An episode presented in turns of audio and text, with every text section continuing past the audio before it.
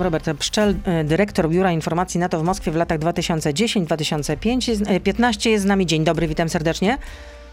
Dzień dobry. Mm, prosto z Brukseli. Mm, no i trzeba jeszcze powiedzieć, że jest pan ekspertem Fundacji imienia Kazimierza Puławskiego, która to znalazła się na celowniku w Rosji jako organizacja niepożądana. Takie są zakusy ze strony Dumy Państwowej, żeby uznać organizację taką jak wasza właśnie z organizacją niepożądaną. To tak gwoli wyjaśnienia i przypomnienia. A teraz lotem błyskawicy do Kijowa, bo prezydent y, Duda jest w drodze do Kijowa y, w towarzystwie y, prezydentów krajów bałtyckich i jak mówił prezydencki minister Jakub Kumoch, naszym celem jest wsparcie prezydenta Zełańskiego oraz obrońców Ukrainy w decydującym dla tego kraju momencie. Czy może chodzić również o wsparcie militarne, Pana zdaniem? Znaczy, wsparcie militarne jest, e, mówimy o dostawach sprzętu, żeby być konkretnym, plus tam inne rzeczy dotyczące, nie wiem, potencjalnego czy dziejącego się szkolenia, kwestie wymiany jakiejś, czy dzielenia się informacjami, e, które się bardzo przydają Ukraińcom na, mm, na polu bitwy. E, to wszystko się jakby dzieje i to trzeba powiedzieć uczciwie, że nie dlatego, że jest przyjemnie mówić dobrze o swoim kraju, ale taka jest prawda, że Polska, jak również te trzy kraje bałtyckie, które nawet razem jakby no, nie są jakby największymi krajami oczywiście e, w Europie, e, no to to wsparcie bardzo konkretne jest zarówno bardzo istotne z punktu widzenia jakby wartości tego sprzętu, ale również i e, jak gdyby tego, co, co on zawiera. Jeszcze dodamy do tego na przykład Czechy i Słowację, to są też, można powiedzieć, że te sześć krajów dostarcza więcej niż, niż dwa czy trzy największe kraje inne pozostałe europejskie, oprócz Wielkiej Brytanii. Także to na pewno będzie przedmiotem dyskusji, tylko że tak jak mówię, tu nie jest kwestia bardziej, e, że te kraje e, cztery na przykład się opierają, to jest kwestia możliwości i dogadania tych szczegółów, ale są bardzo ważne, bo ta decydująca bitwa, jak gdyby, czy ta faza e, walki na, w Ukrainie w tej chwili się już rozpoczęła. To jeszcze o tym porozmawiamy, ale e, jeszcze chciałabym nawiązać do tego, co wydarzyło się w Buczy, bo to szokowało e, cały świat. Mm, ostatnie e, informacje są takie, że znaleziono tam 403 ciała ofiar rosyjskiej agresji właśnie w tej podkijowskiej Buczy, która przed wojną przecież miała ponad 30 tysięcy mieszkańców. Władimir Putin nazwał te doniesienia o wydarzeniach z Buczy prowokacją i fałszerstwem. Czy Władimir Putin mówi tak na serio? Czy to jest po prostu ideologia na potrzeby publicznej propagandy? Czy on kłamie w żywe oczy z pełną premedytacją na użytek obywateli Rosji? Czy w to wierzy? No zastanawiam się czasami.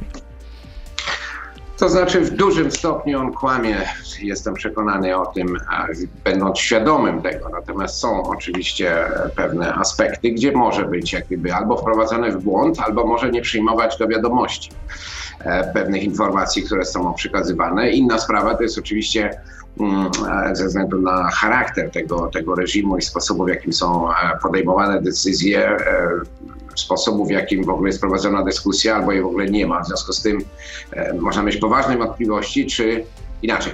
Można być prawie pewnym, że ludzie, który, którzy tak powiem dostarczają informacji dla prezydenta, robią to w taki sposób, żeby to było wygodne dla nich. A to oznacza w praktyce, zwłaszcza jeśli chodzi o działania wojskowe, wojenne i parę innych kwestii, czyli rozeznanie na przykład tego, co się dzieje na Ukrainie, mm, to, że, że to mogą być informacje nie, nie pokrywające się z rzeczywistością. Natomiast tu jest zbyt dużo dowodów na to, że to jest systemowe, to są systemowe działania wojsk rosyjskich e, z punktu widzenia przyzwolenia, a nawet zachęcania. I e, nie jestem, nie jestem skłonny uwierzyć to, że jakby Putin nie ma, nie ma wiedzy o tym, co e, w wielu miejscach e, jego, jego żołnierze, e, że tak się wyrażę, bo to nawet słowo żołnierze nie zawsze pasuje, robią. A poza tym on właśnie podpisał na przykład dekret o deportacji de facto ludności Mariupola do bardzo odległych krańców Federacji Rosyjskiej, więc jakby jest całkowicie świadomy i to jest w ogóle cel tej polityki, jeśli chodzi o no, prześladowanie, niszczenie, a wręcz fizyczne likwidowanie, jeśli mówimy o przywódców i, i, i, osób, które mają coś do powiedzenia w tym społeczeństwie ludności cywilnej. Także nie, ja jestem przekonany, że on, jeśli nawet nie w 100%, ale, ale ma świadomość tego, e, bo inaczej po prostu oznaczałoby, że już zupełnie jest pozbawiony jakikolwiek kontaktu z rzeczywistością. A skąd się bierze takie barbarzyństwo i okrucieństwo? No bo według ty, tych informacji to rosyjscy okupanci urządzili w Buczy po prostu salę tortur i e, mieszkańcy miasta relacjonują, że mm, rezydowali tam e, też kadyrowcy, którzy torturowali ludzi, wypalali im oczy, odcinali części ciała. No po prostu no, brakuje słów, żeby o tym opowiadać. No, barbarzyństwo. Barbarzyństwo. A problem polega na tym, że dla osób, które śledzą to, co się dzieje w Rosji i jak Rosja prowadzi różnego rodzaju operacje. Możemy tutaj wspomnieć przede wszystkim o wojnach czeczeńskich. One formalnie oczywiście miały miejsce na terytorium Federacji Rosyjskiej, ale sposób działania, no przyjrzyjmy się, prawda, bombardowanie, zrównanie z ziemią takich miast jak Grozny, prawda, e, zabijanie ludności, branie jakby jako zakładników i tak dalej. Są dokładnie te same metody. Spójrzmy na działania Federacji Rosyjskiej w Syrii. Także e, na przykład informacja, że nowym dowódcą, czy może pierwszym, bo do tej pory nie było nawet jasne, kto dowodzi tą operacją Ukrainie, został e, generał, który dowodził operacją głównie powietrzną w Syrii. No, a, a, a co obejmowała ta operacja? Bombardowania szpitali, szkół. Nawet od tego czasu już wiele osób, które się, łącznie z organizacjami pozarządowymi, humanitarnymi, humanitarnymi zaczęły jakby sugerować, żeby nie malować na przykład czerwonych krzyży na dachach szpitali, bo to tylko jak gdyby sprawia, że lotnictwo rosyjskie bombarduje te szpitale. Więc to niestety to nie jest coś, co zaczęło się na Ukrainie. Skala tego jest oczywiście no, niesłychana, ale jak dodamy do tego w ogóle sposób, w jaki, ja nie wiem, czy tam ktoś w pełni panuje w tej tak zwanej armii rosyjskiej nad, nad tym, co się dzieje w poszczególnych oddziałach. To jest raczej kwestia przyzwolenia na pewne działania, które zresztą niestety można powiedzieć, są, mieszczą się, jakby to nie zabrzmiało już no, po prostu totalnie cyniczne, mieszczą się jak gdyby w celach ogólnych tej operacji, czyli wyniszczenia e, społeczeństwa ukraińskiego i zmuszenie jak gdyby tych e, znaczy Ukraińców do, do poddania się, no bo po prostu giną tysiące, tysiące niewinnych ludzi. To jest, to jest ta brutalna, cyniczna i barbarzyńska strategia Kremla i to trzeba powiedzieć otwarcie. A czy Rosja może też liczyć na to, że na Zachodzie znudzą się tą wojną, że w telewizji no, nie będzie pokazywanych codziennie e, tylu drastycznych morderstw, że te sankcje mogą słabnąć również? E, znaczy Rosja, no mówmy o Kremlu i ludziach. O Kremlu, tak. Decyzje tak podejmują. A ja sądzę, że tak, znaczy chciałaby na to liczyć. E, zresztą Putin powiedział bodajby wczoraj w takim swoim, przepraszam za wyrażenie, inaczej tego nie jestem w stanie nazwać takim ślinotoku, bo tam były przeróżne rzeczy, które zupełnie były jakby bezsensowne. Natomiast powiedział coś, co wydaje mi się odzwierciedla stan jego, nazwijmy umysłu i analizy, czyli że wszystko wróci do normy, takich słów użył, e, czas to wszystko rozwiąże, po czym odniósł się do rosnących cen żywności i prawda, e, energii w krajach zwłaszcza Europy Zachodniej. To niewątpliwie jak gdyby pokazuje, że to jest ten scenariusz, na który oczywiście na Kremlu liczą. Ale jestem jakoś tym razem jestem głęboko przekonany, że to, e, to są błędne kalkulacje, bo ja o tym mówiłem wielokrotnie i po, po, po, podtrzymuję to zdanie. Putin nie rozumie, jak działa Zachód. On widzi, owszem, wszystkie problemy, które są realne, bo nic nie jest doskonałe, ale nie rozumie e, znaczenia na przykład opinii publicznej która się radykalizuje, nie rozumie znaczenia dyskusji, nie rozumie sposobu, w jakim e, są podejmowane decyzje. Coś, co jest niemożliwe, prawda, dwa, trzy tygodnie temu, staje się, że tak powiem, nakazem chwili teraz, prawda? Czyli przykładowo dostawy już, mówi się o dostawach broni bardzo poważnej, bardzo skomplikowanych systemów dla Ukrainy, prawda? Dla przykładu. E, wstąpienie Szwecji i Finlandii, nie, w ogóle nie rozpatrywane do NATO, tak? Znowu dwa miesiące i tak dalej.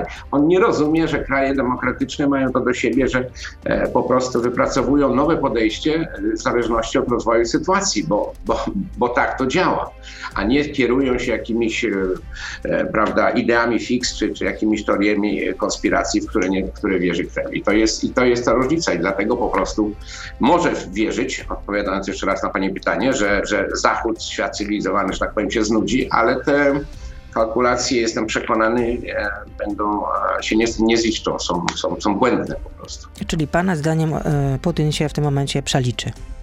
Tak. No to w części radiowej nasz gość, czyli Robert Pszczel, były szef Biura Informacji NATO w Moskwie z nami zostaje. Jesteśmy na Facebooku, na Radio ZPL, na YouTube, więc proszę zostać z nami. Beata Lubecka, serdecznie zapraszam.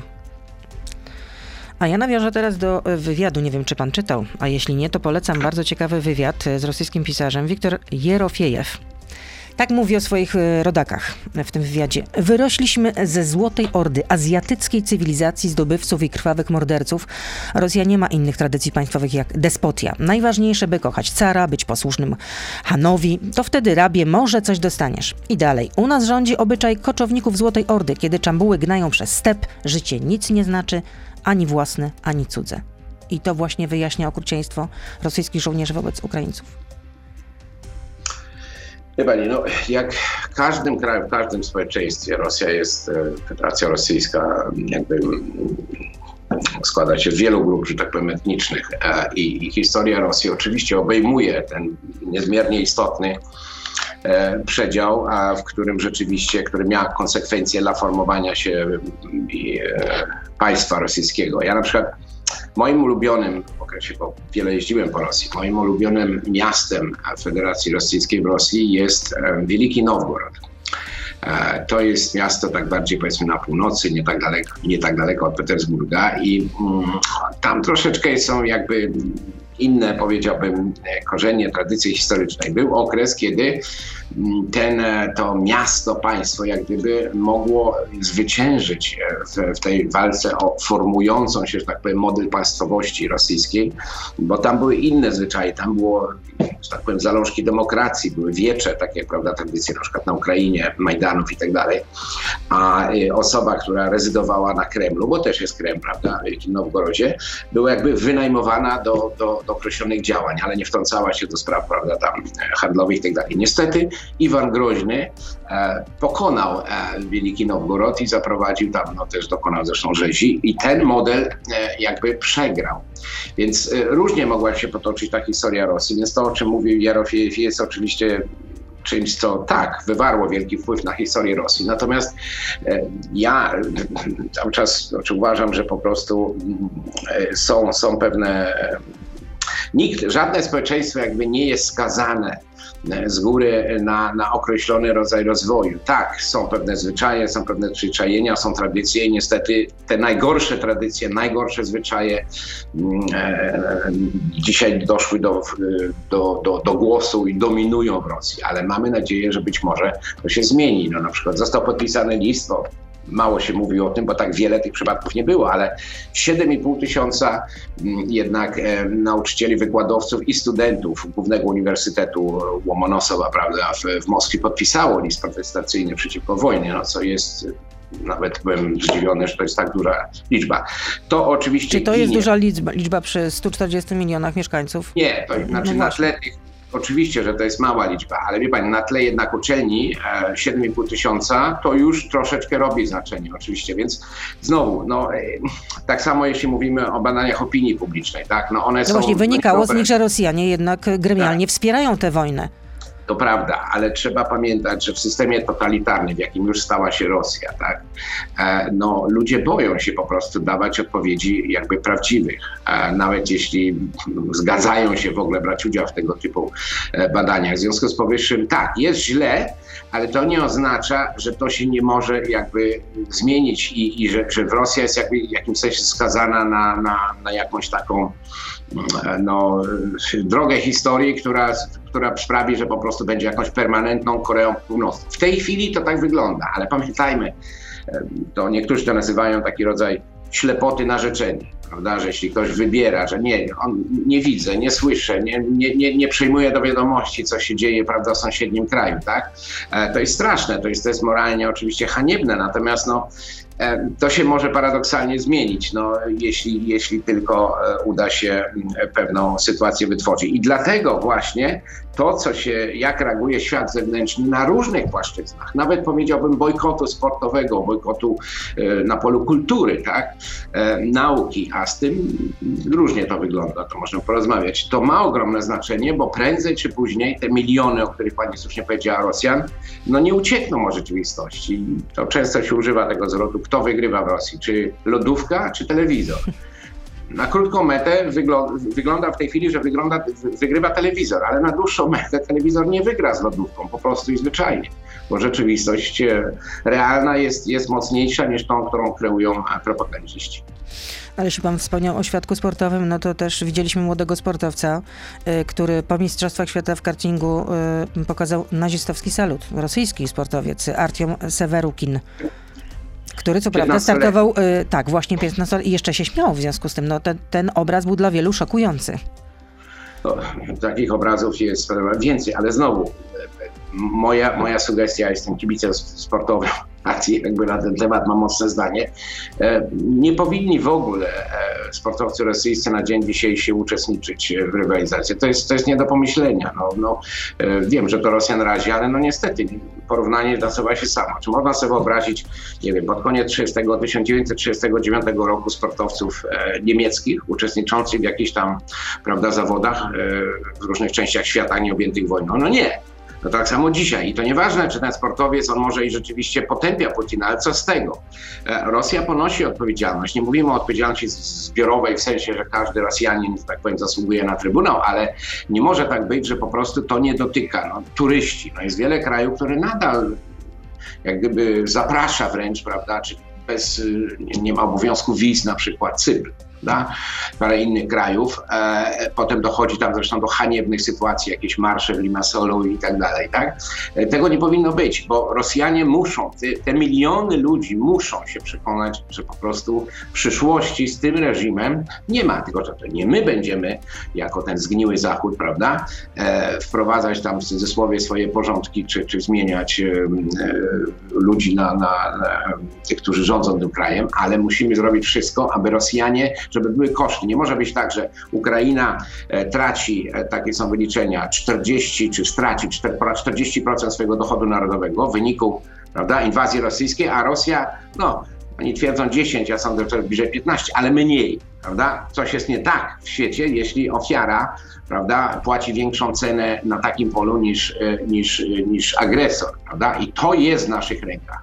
Natomiast trzeba powiedzieć uczciwie, ta, ta walka, która się toczy dzisiaj również na polu bitwy, ona zadecyduje o losach nie tylko Ukrainy, ale o losach systemu bezpieczeństwa w Europie i szerzej. I dlategoż właśnie, wracając do tej wizyty i podobnych, prawda, to nie jest, to jest nasz moralny obowiązek wspierać Ukraińców na różnym polach, prawda, czy uchodźców, czyli prawda, są i tak dalej, ale to jest również w naszym interesie i to musi być zrozumiane jak gdyby przez e, wszystkich, którzy, którzy mają cokolwiek do powiedzenia na różnych polach, tak jak mówię, w sprawach nie wiem, wsparcia wojskowego, ale również ekonomicznych. E, zostało jeszcze parę firm polskich zostało w Rosji, tak? Jest kwestia realizacji, implementacji sankcji. Prawda? Nie wszystkie sankcje są, że tak powiem, do bólu realizowane. Więc tu też jest pole do dopisu. Plus właśnie wspomniane już, tak nazwijmy to otwarcie, bojkot y, na różnych polach, bo, bo, bo, bo po prostu inaczej się nie da. I to wszystko musi przynieść, musi być robione teraz i dzisiaj, bo teraz się decydują jakby dalsze losy, tak jak powiedziałem, tego, co, co, jak będzie wyglądała Europa, jak będzie wyglądał system wartości, czy w ogóle jak gdyby będzie można mówić o tym, że tak, użyję takiego, takiego zwrotu, że, że, że dobro zwycięża, a zło przegrywa. Prawda? Czyli pan postuluje... To jest tego typu batalia. Czyli pan postuluje y, totalne odcięcie y, y, Rosji od świata zachodu tak? Znaczy, no może nie, nie totalne odcięcie w sensie zupełnym, ale są pewne rzeczy, które jakby są pewnym przywilejem uczestnictwa w, e, w, w, że tak powiem, funkcjonowaniu normalnym cywilizowanego świata. I nie widzę żadnego powodu, dla którego e, na przykład, nie wiem, miał być jakieś udogodnienia w postaci, prawda, wiz dla, dla grup turystycznych. Dlaczego, e, dlaczego mają zawodnicy, tak jak mówię, rosyjscy w ogóle uczestniczyć w jakiejś, prawda, i tam się cuda jakieś wymyśla, że bez flagi, bez tego, prawda, ale co z tego? To jest oczywiste, e, skąd on jest. Potem, tak jak mówię, sprawa gospodarczych to jest sprawa oczywiście znana, te sankcje muszą być znacznie bardziej zdecydowane i, i, i uderzyć mocniej, ale również jakby e, realizacja tych sankcji, czyli jakby ta szczelność musi być, e, musi być mocniejsza, bo inaczej e, po prostu one nie będą działać tak, jak powinny i tak dalej. I to wszystkie te elementy muszą być jakby w tej chwili wykorzystane, bo celem jest zmuszenie, tak, jest zmuszenie do Rosji, żeby przestała, zakończyła tą barbarzyńską wojnę w Ukrainie, a druga sprawa to jest jednak, e, można różnych słów używać, ale stworzenie pewnego jak gdyby kordonu. Najprościej rzecz ujmując, to co się dzieje w Rosji jest straszne i bardzo na tym bolejemy, ale e, najważniejsze jest to, że nie można pozwolić Rosji na zabijanie poza jej granicami. To jest sprawa, że tak powiem, fundamentalna i wszystkie wysiłki powinny być skierowane e, właśnie w tym kierunku i, i tutaj ta jedność świata zachodniego, ale ogólnie, że tak powiem, demokratycznego, jest, jest to tutaj kluczem do, e, do realizacji tego celu, bo to jest cel fundamentalny, a dla państw frontowych, do, a do takich należy Polska, to są sprawy wręcz egzystencjalne. A co Pana zdaniem e, może zrobić jeszcze NATO dla Ukrainy? To pytam Pana jako właśnie byłego szefa Biura Informacji NATO w Moskwie. To znaczy, no to jest, nie ukrywam, swego rodzaju dylemat, bo oczywiście ja jak gdyby prościej, znaczy, prościej jest mi mówić y, o tym, co w tej chwili NATO robi, to jest, y, i to jest dużo. Ale Dlatego, czy może zrobić jeszcze cokolwiek więcej? Tak, tak. Czy to już jest maksimum? Nie, to nie jest maksimum. Natomiast, żeby zrobiło więcej, to znaczy pomoc wojskowa jest, są różne elementy, o których nawet często dobrze, że się zbyt wielu szczegółach nie mówi, ale to pomaga. I to szkolenie, które się odbyło wcześniej, i różna wymiana pewnej informacji, które to wszystko jest niezmiernie korzystne i szczerze mówiąc, bez, tej, bez tego wsparcia E, Ukraińcy nie byliby w stanie prowadzić takiej walki niezależnie od swojego heroizmu i organizacji. To jest wszystko prawda. Mówiąc szkolenie, mówi pan, ma, ma, pan na myśli szkolenie y, y, ukraińskiej armii przez y, Amerykanów, tak? Nie tylko przez Amerykanów. Szkolenie, które było prowadzone, koordynowane przez NATO przez e, ponad 6 lat, prawda? W ogóle reforma całej e, sił zbrojnych i sił bezpieczeństwa, to, to jakby my to robimy, mówię, my jako organizacja, prawda, robiliśmy to przez wiele lat. I to przyniosło efekty. I to jak gdyby trzeba odnotować i te dostawy są w jakimś sensie koordynowane. To idziemy, to, to się odbywa i to ma ogromne znaczenie. Natomiast jako już zwykły obywatel, e, świata i nie tylko. Muszę powiedzieć, że są oczywiście rzeczy, które na dzisiaj nie ma przyzwolenia politycznego i są pewne argumenty racjonalne, w sensie takim, że na przykład NATO nie jest gotowy. Nie ma po prostu w tej chwili zgody na wprowadzenie tak zwanej e, strefy bez lotów, czyli właściwie przejęcie kontroli e, przestrzeni powietrznej przez NATO, bo to oznacza nad Ukrainą, bo to oznaczało wejście w konflikt e, z Rosją. Nie ma na to zgody politycznej, ale jeśli dojdzie do kolejnych masakr, w, a, a, a, jest to niestety więcej niż możliwe, prawda? Na przykład zostanie zdobyty Mariupol i zobaczymy, co się będzie dalej działo, tak? Może zostać zostanie, użyta broń tak, chemiczna. Może być użyta broń chemiczna. Więc czy, czy my, mówię teraz, mówię jako obywatel, czy my możemy się po prostu przyglądać temu bezczynnie? Co więcej, wiedząc, że stan e, armii rosyjskiej jest katastrofalny i przy większym wsparciu, bo powiedzmy tak, Ukraińcy jak gdyby w tej uczciwej walce właściwie wygrywają. Natomiast jest to jednak, nie zapominajmy o tym, jest to kraj mniejszy, jest to kraj, prawda, o mniejszym potencjale, który dodatkowo jakby, no to on został napadnięty i, i, i nie dysponuje takimi siłami, takim potencjałem, żeby jakby w pełni e, stanąć na drodze e, takiego e, państwu, które jakby się militaryzowało od wielu lat. Więc to wsparcie, które dostaje Ukraina, częściowo niweluje tą różnicę, ale jeśli będzie czy możemy innymi słowy, tak jak to się określił e, jeden z, francuskich komentatorów, e, czy e, te ludobójstwo, które właściwie ma miejsce, ono już zostało zapowiedziane doktrynalnie, prawda? Widzimy to na co dzień w programach telewizyjnych, są podpisywane dekrety o deportacji i tak dalej. Więc to nie jest tak, że będziemy mogli mówić, że zostaliśmy zaskoczeni. Wiemy, co się dzieje w Buczy, wiemy, co robią kadyrowcy, wiemy, e, są przechwytywane te rozmowy, prawda? Więc no to są rzeczy straszne, które w ogóle nie powinny mieć miejsca, ale się dzieją, prawda? I wiedząc o tym, czy możemy, mając pewne możliwości, e, w tym i wojskowe, tak, czy na przykład nie można by się pokusić o, o zdjęcie blokady e, portów morskich, prawda?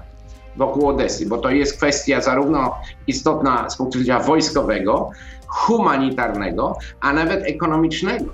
Bo powiedzmy tak, w, kiedy świat jest zintegrowany, e, zboże ukraińskie, które nie dotrze do Afryki, są już wyliczenia, że na przykład 50% ludzi w Etiopii będzie głodować w tym sezonie, bo 75% dostaw to było zboże ukraińskie. Tak? Jak Ukraińcy mają to zboże, ono jest gotowe.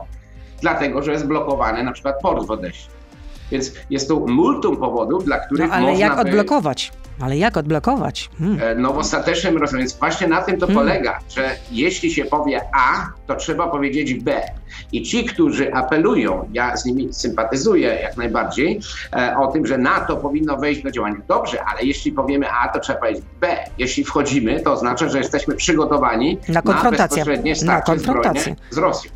Oczywiście nikt nie mówi o bombardowaniu Moskwy, ale nie można powiedzieć, że, że tak powiem, że coś będziemy robić, co nie będzie miało konsekwencji. I tu jest jakby, no to jest rola decydentów politycznych. A jeśli chcemy wywrzeć na to wpływ, to trzeba pokazać, że opinia publiczna jakby e, nie akceptuje tej sytuacji, która jest. I tu jest, e, i tu się, i tu jest zresztą ogromna rola mediów żeby się uśmiechnąć w kierunku pani, pani kolegów, które zresztą te media tą rolę uważam wypełniają bardzo dobrze w wielu krajach, bo po prostu i zwyczajnie wiele, wiele, wiele spraw, o których gdzieś politycy nie chcieliby mówić, jakby nie ma wyboru.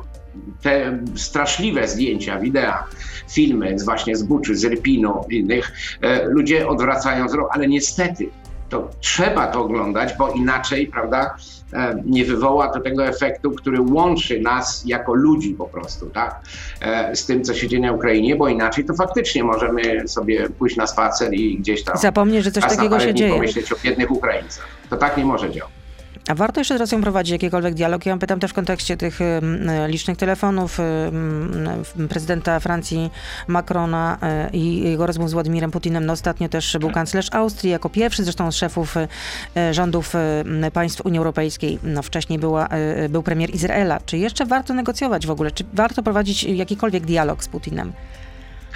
No coraz mniejszym stopniu. Znaczy ja przyznam tak, bo to jednak są troszkę różne historie. Ja do końca nie rozumiem w ogóle celu wizyty e, kanclerza Austrii, prawda, bo Austria nie ma żadnego mandatu do rozmów, nie jest, nie pełni żadnych funkcji. Poza tym autorytet Austrii, jeśli chodzi o politykę rosyjską, jest, no delikatnie mówiąc, bardzo e, za, za, za, zaszargany. Więc ja w ogóle nie wiedziałem, nie, nie rozumiałem, jaki jest cel. A problem polega na tym, że koszty zawsze takie wizyty są, bo to legitymizuje, prawda, rzeźnika, rzeźnika z Kremla, który tak go trzeba. Uwiarygadnia go uwiarygodnia. Tak, jeśli chodzi o prezydenta Macrona, to jest troszkę bardziej skomplikowana sprawa, bo Francja jakby jest przewodniczy mm, e, rotacyjnie Unii Europejskiej, no ale to też nie daje jakby pełnego mandatu, nie, jeśli nie ma ustalonego mandatu, no to to, że ktoś państwo przewodniczy, to, to nie oznacza, że, że, że, że ma upoważnienie innych państw do mówienia, prawda, w ich imieniu. E, natomiast tu ja uważam, że najważniejszym tak na dobrą sprawę kryterium to jest, czy jest eksplicite, że tak powiem, takie życzenie, nie przyzwolenie, bo czasami to wygląda tak, że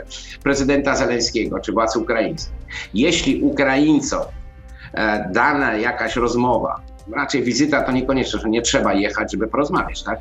Jakaś rozmowa na przykład telefoniczna się przydaje do czegoś i no z różnych względów, bo, bo też prowadzą przecież rozmowy z Rosjanami. To, to, to moim zdaniem jest jakby kryterium najważniejsze. Natomiast jeśli Ukraińcy nie widzą żadnego sensu, no to pozostaje tylko, e, no, uważam, dosyć cyniczny PR tego typu spotkań, bo tak jak mówię, no nie można się spotykać e, z człowiekiem, który ma ręce umaczane w krwi i, i, i co, i poklepywać się albo udawać, że prowadzi się z nim cywilizowanie. Z, z ludźmi, którzy są poza marginesem świata cywilizowanego, no nie prowadzi się normalnego dialogu. Można oczywiście negocjować coś, ale to, to, to są sytuacje ekstremalne i w żadnych z tych ostatnich przypadków to, to, to nie miało miejsca. Więc znowu powtarzam, moim zdaniem kluczem jest to, co jest pożyteczne dla Ukrainy, bo to ona jest tym najważniejsza. Ona walczy za nas, ona walczy o swoją egzystencję.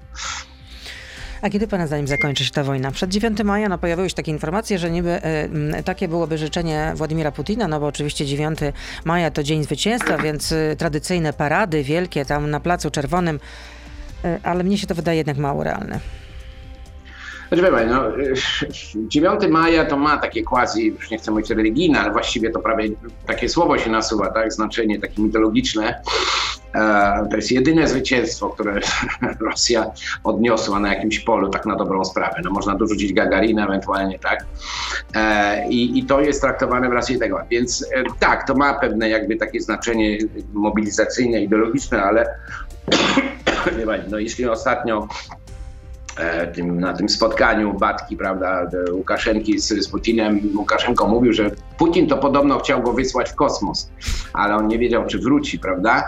Więc e, to, co Putin chce, to jest jego problem i ważniejsze jest to, co ma znaczenie na podejmowanie pewnych decyzji na Kremlu. A takie znaczenie na dzień dzisiejszy ma przede wszystkim sytuacja na polu walki. Więc e, ja bym tak e, najprościej to mm, podsumował w ten sposób, że zdolność Putina i jego ludzi do kłamania, do, do jakby wymyślania jakichś narracji dezinformacyjnych jest tak, e, że tak powiem, rozwinięta i, i, i, i mm, używana przez lata, że oni sobie poradzą. Jak będzie trzeba, to Ziemia jest, wiadomo, kwadratowa i i wymyślą przeróżne historie. Ja bym się tym, że tak powiem, nie martwił. Ważniejsze jest to, żeby po prostu mieli ważne powody, żeby jej skłaniały, że ta wojna jest po prostu niekorzystna nie tylko dla Rosji, bo Rosja ich tak na dobrą nie obchodzi za bardzo, czyli los zwykłych obywateli, ale jest niekorzystna dla nich, dla tego reżimu, dla ludzi, którzy jednak no, chcieliby, nie są samobójcami, chcieliby jakoś tam w miarę normalnie funkcjonować. A im dłużej to będzie trwało e, i Rosja w tym będzie po prostu przegrywać, a nie było jeszcze w historii, z którą mówiliśmy wcześniej, w historii Rosji nie było jeszcze reżimu, który by przetrwał przegraną wojnę. I jestem przekonany, że Putin o tym też wie. Więc lepiej jest zakończyć coś, co odtrąbi się jako połowiczny sukces, że sukcesem nie będzie, ale nie będzie też klęską, tak? niż doprowadzić do sytuacji, w której dojdzie do klęski, bo wtedy jak gdyby to już jest sprawa prawie przesądzona, jeśli chodzi o losy e, ludzi na Kremlu, bo jeszcze w historii, tak mówię, nie było. Czyli przeciąganie tej wojny w takim razie, y, jeśli słucham pana, no to nie ma, nie ma na mnie najmniejszego sensu. To znaczy, no, nie powinno mieć e, sensu, natomiast oczywiście na dzień dzisiejszy wygląda na to, że Putin i jego ludzie zdecydowali się e, jakby pójść w bank. To znaczy, oni chcą wygrać, oni uważają, że im się to uda, przynajmniej e, w tej fazie i w tej części Ukrainy, którą się określa mianem powiedzmy południowej i wschodniej. Trzeba, trzeba im to uniemożliwić, e, czyli wesprzeć Ukrainę w maksymalny prawda, sposób. Natomiast no zobaczymy, no, tu raczej się eksperci zgadzają, że będziemy troszkę mądrzejsi za, za, za parę, że tak powiem, tygodni, ale on niewątpliwie ta operacja wkracza w tej chwili jak gdyby w decydującą e, fazę. W decydującą, czyli? No taką, która przesądzi o tym, że jeśli ma nastąpić pokój, to na czyich warunkach.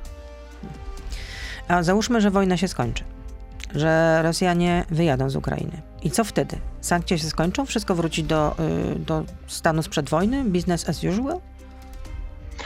No, ja mogę powiedzieć, co ja bym chciał zobaczyć, bo decyzje polityczne podejmują politycy. Natomiast wydaje mi się, że Rosja musi być, znaczy ten kordon jak gdyby musi być zachowany. To znaczy, dopóki Rosja będzie stwarzała niebezpieczeństwo, e, mm, tak jak mówię, zdolność i gotowość do zabijania innych obywateli innych państw, zdolność i gotowość do zaboru terytorium innych państw, zdolność i gotowość do wpływania na na przykład procesy polityczne w innych państwach, zdolność i gotowość do szerzenia korupcji, w tym ekonomicznej i tak dalej. Tak? To wszystko trzeba Rosji w znaczący sposób uniemożliwić. Sankcje ją są jednym z kluczowych elementów tego, więc uważam, że to wszystko powinno być jakby pozostać w mocy do momentu, kiedy świat normalny nie przekona się, że to niebezpieczeństwo jest jakby znacznie mniejsze. Ale oczywiście jest pewna dynamika. Pokój na Ukrainie jest rzeczą kluczową i Ukraińcy będą mieli w tej sprawie właściwie no, no, muszą mieć decydujący głos, prawda? Bo nie może być tak, że świat zewnętrzny będzie e, jakby za nich e, decydował e, o tym, na jakich warunkach oni są ten pokój gotów zawrzeć. Więc to, to, to będziemy słuchać ich zdania. Więc y, zobaczymy, no, nie, ma, nie ma tu jednego szynelu, musimy być gotowi na różne e, sytuacje. Y, jestem przekonany, że jeszcze nas spotka wiele niespodzianek, w tym na pewno niektóre jakbyś przykre, no bo skoro mamy do czynienia z reżimem, który jak nie ma hamulców moralnych, który stosuje wszelakie instrumenty w różnych miejscach, e, to dlaczego nagle mielibyśmy zakładać, że coś się zmieni w zakresie, nie wiem, dezinformacji, korupcji, prowokacji itd., itd., itd. Więc róbmy swoje, swoje. Nie, nie patrzmy na to, co, co, co oni mówią, bo kłamią od rana do wieczora, ale róbmy wszystko, żeby zmniejszyć zdolności i gotowość, tak jak powtarzam, Rosji do e, czynienia zła. I dla mnie optymistycznym ostatnio symbolem było to, że e, e, mój jeden ulubionych zespołów Pink Floyd e, rozpadł się jakby w 1994 roku i i reaktywował się na potrzebę nagrania wspaniałej piosenki z, z piosenkarzem, prawda, ukraińskim. Więc to dla mnie to pokazuje, że jeśli Pink Floyd, prawda, potrafi się zejść razem, to znaczy, że szanse dobra w potyczce ze złem są znacznie większe. I oby miał pan rację. Dziękuję Chciałbym. bardzo. Robert Pszczel, e, dyrektor Biura Informacji NATO w Moskwie w latach 2010-2015 był z nami. Bardzo dziękuję. Kłaniam się. Dziękuję bardzo. To był gość Radia Z. Słuchaj codziennie w Radio Z i na player radioz.pl.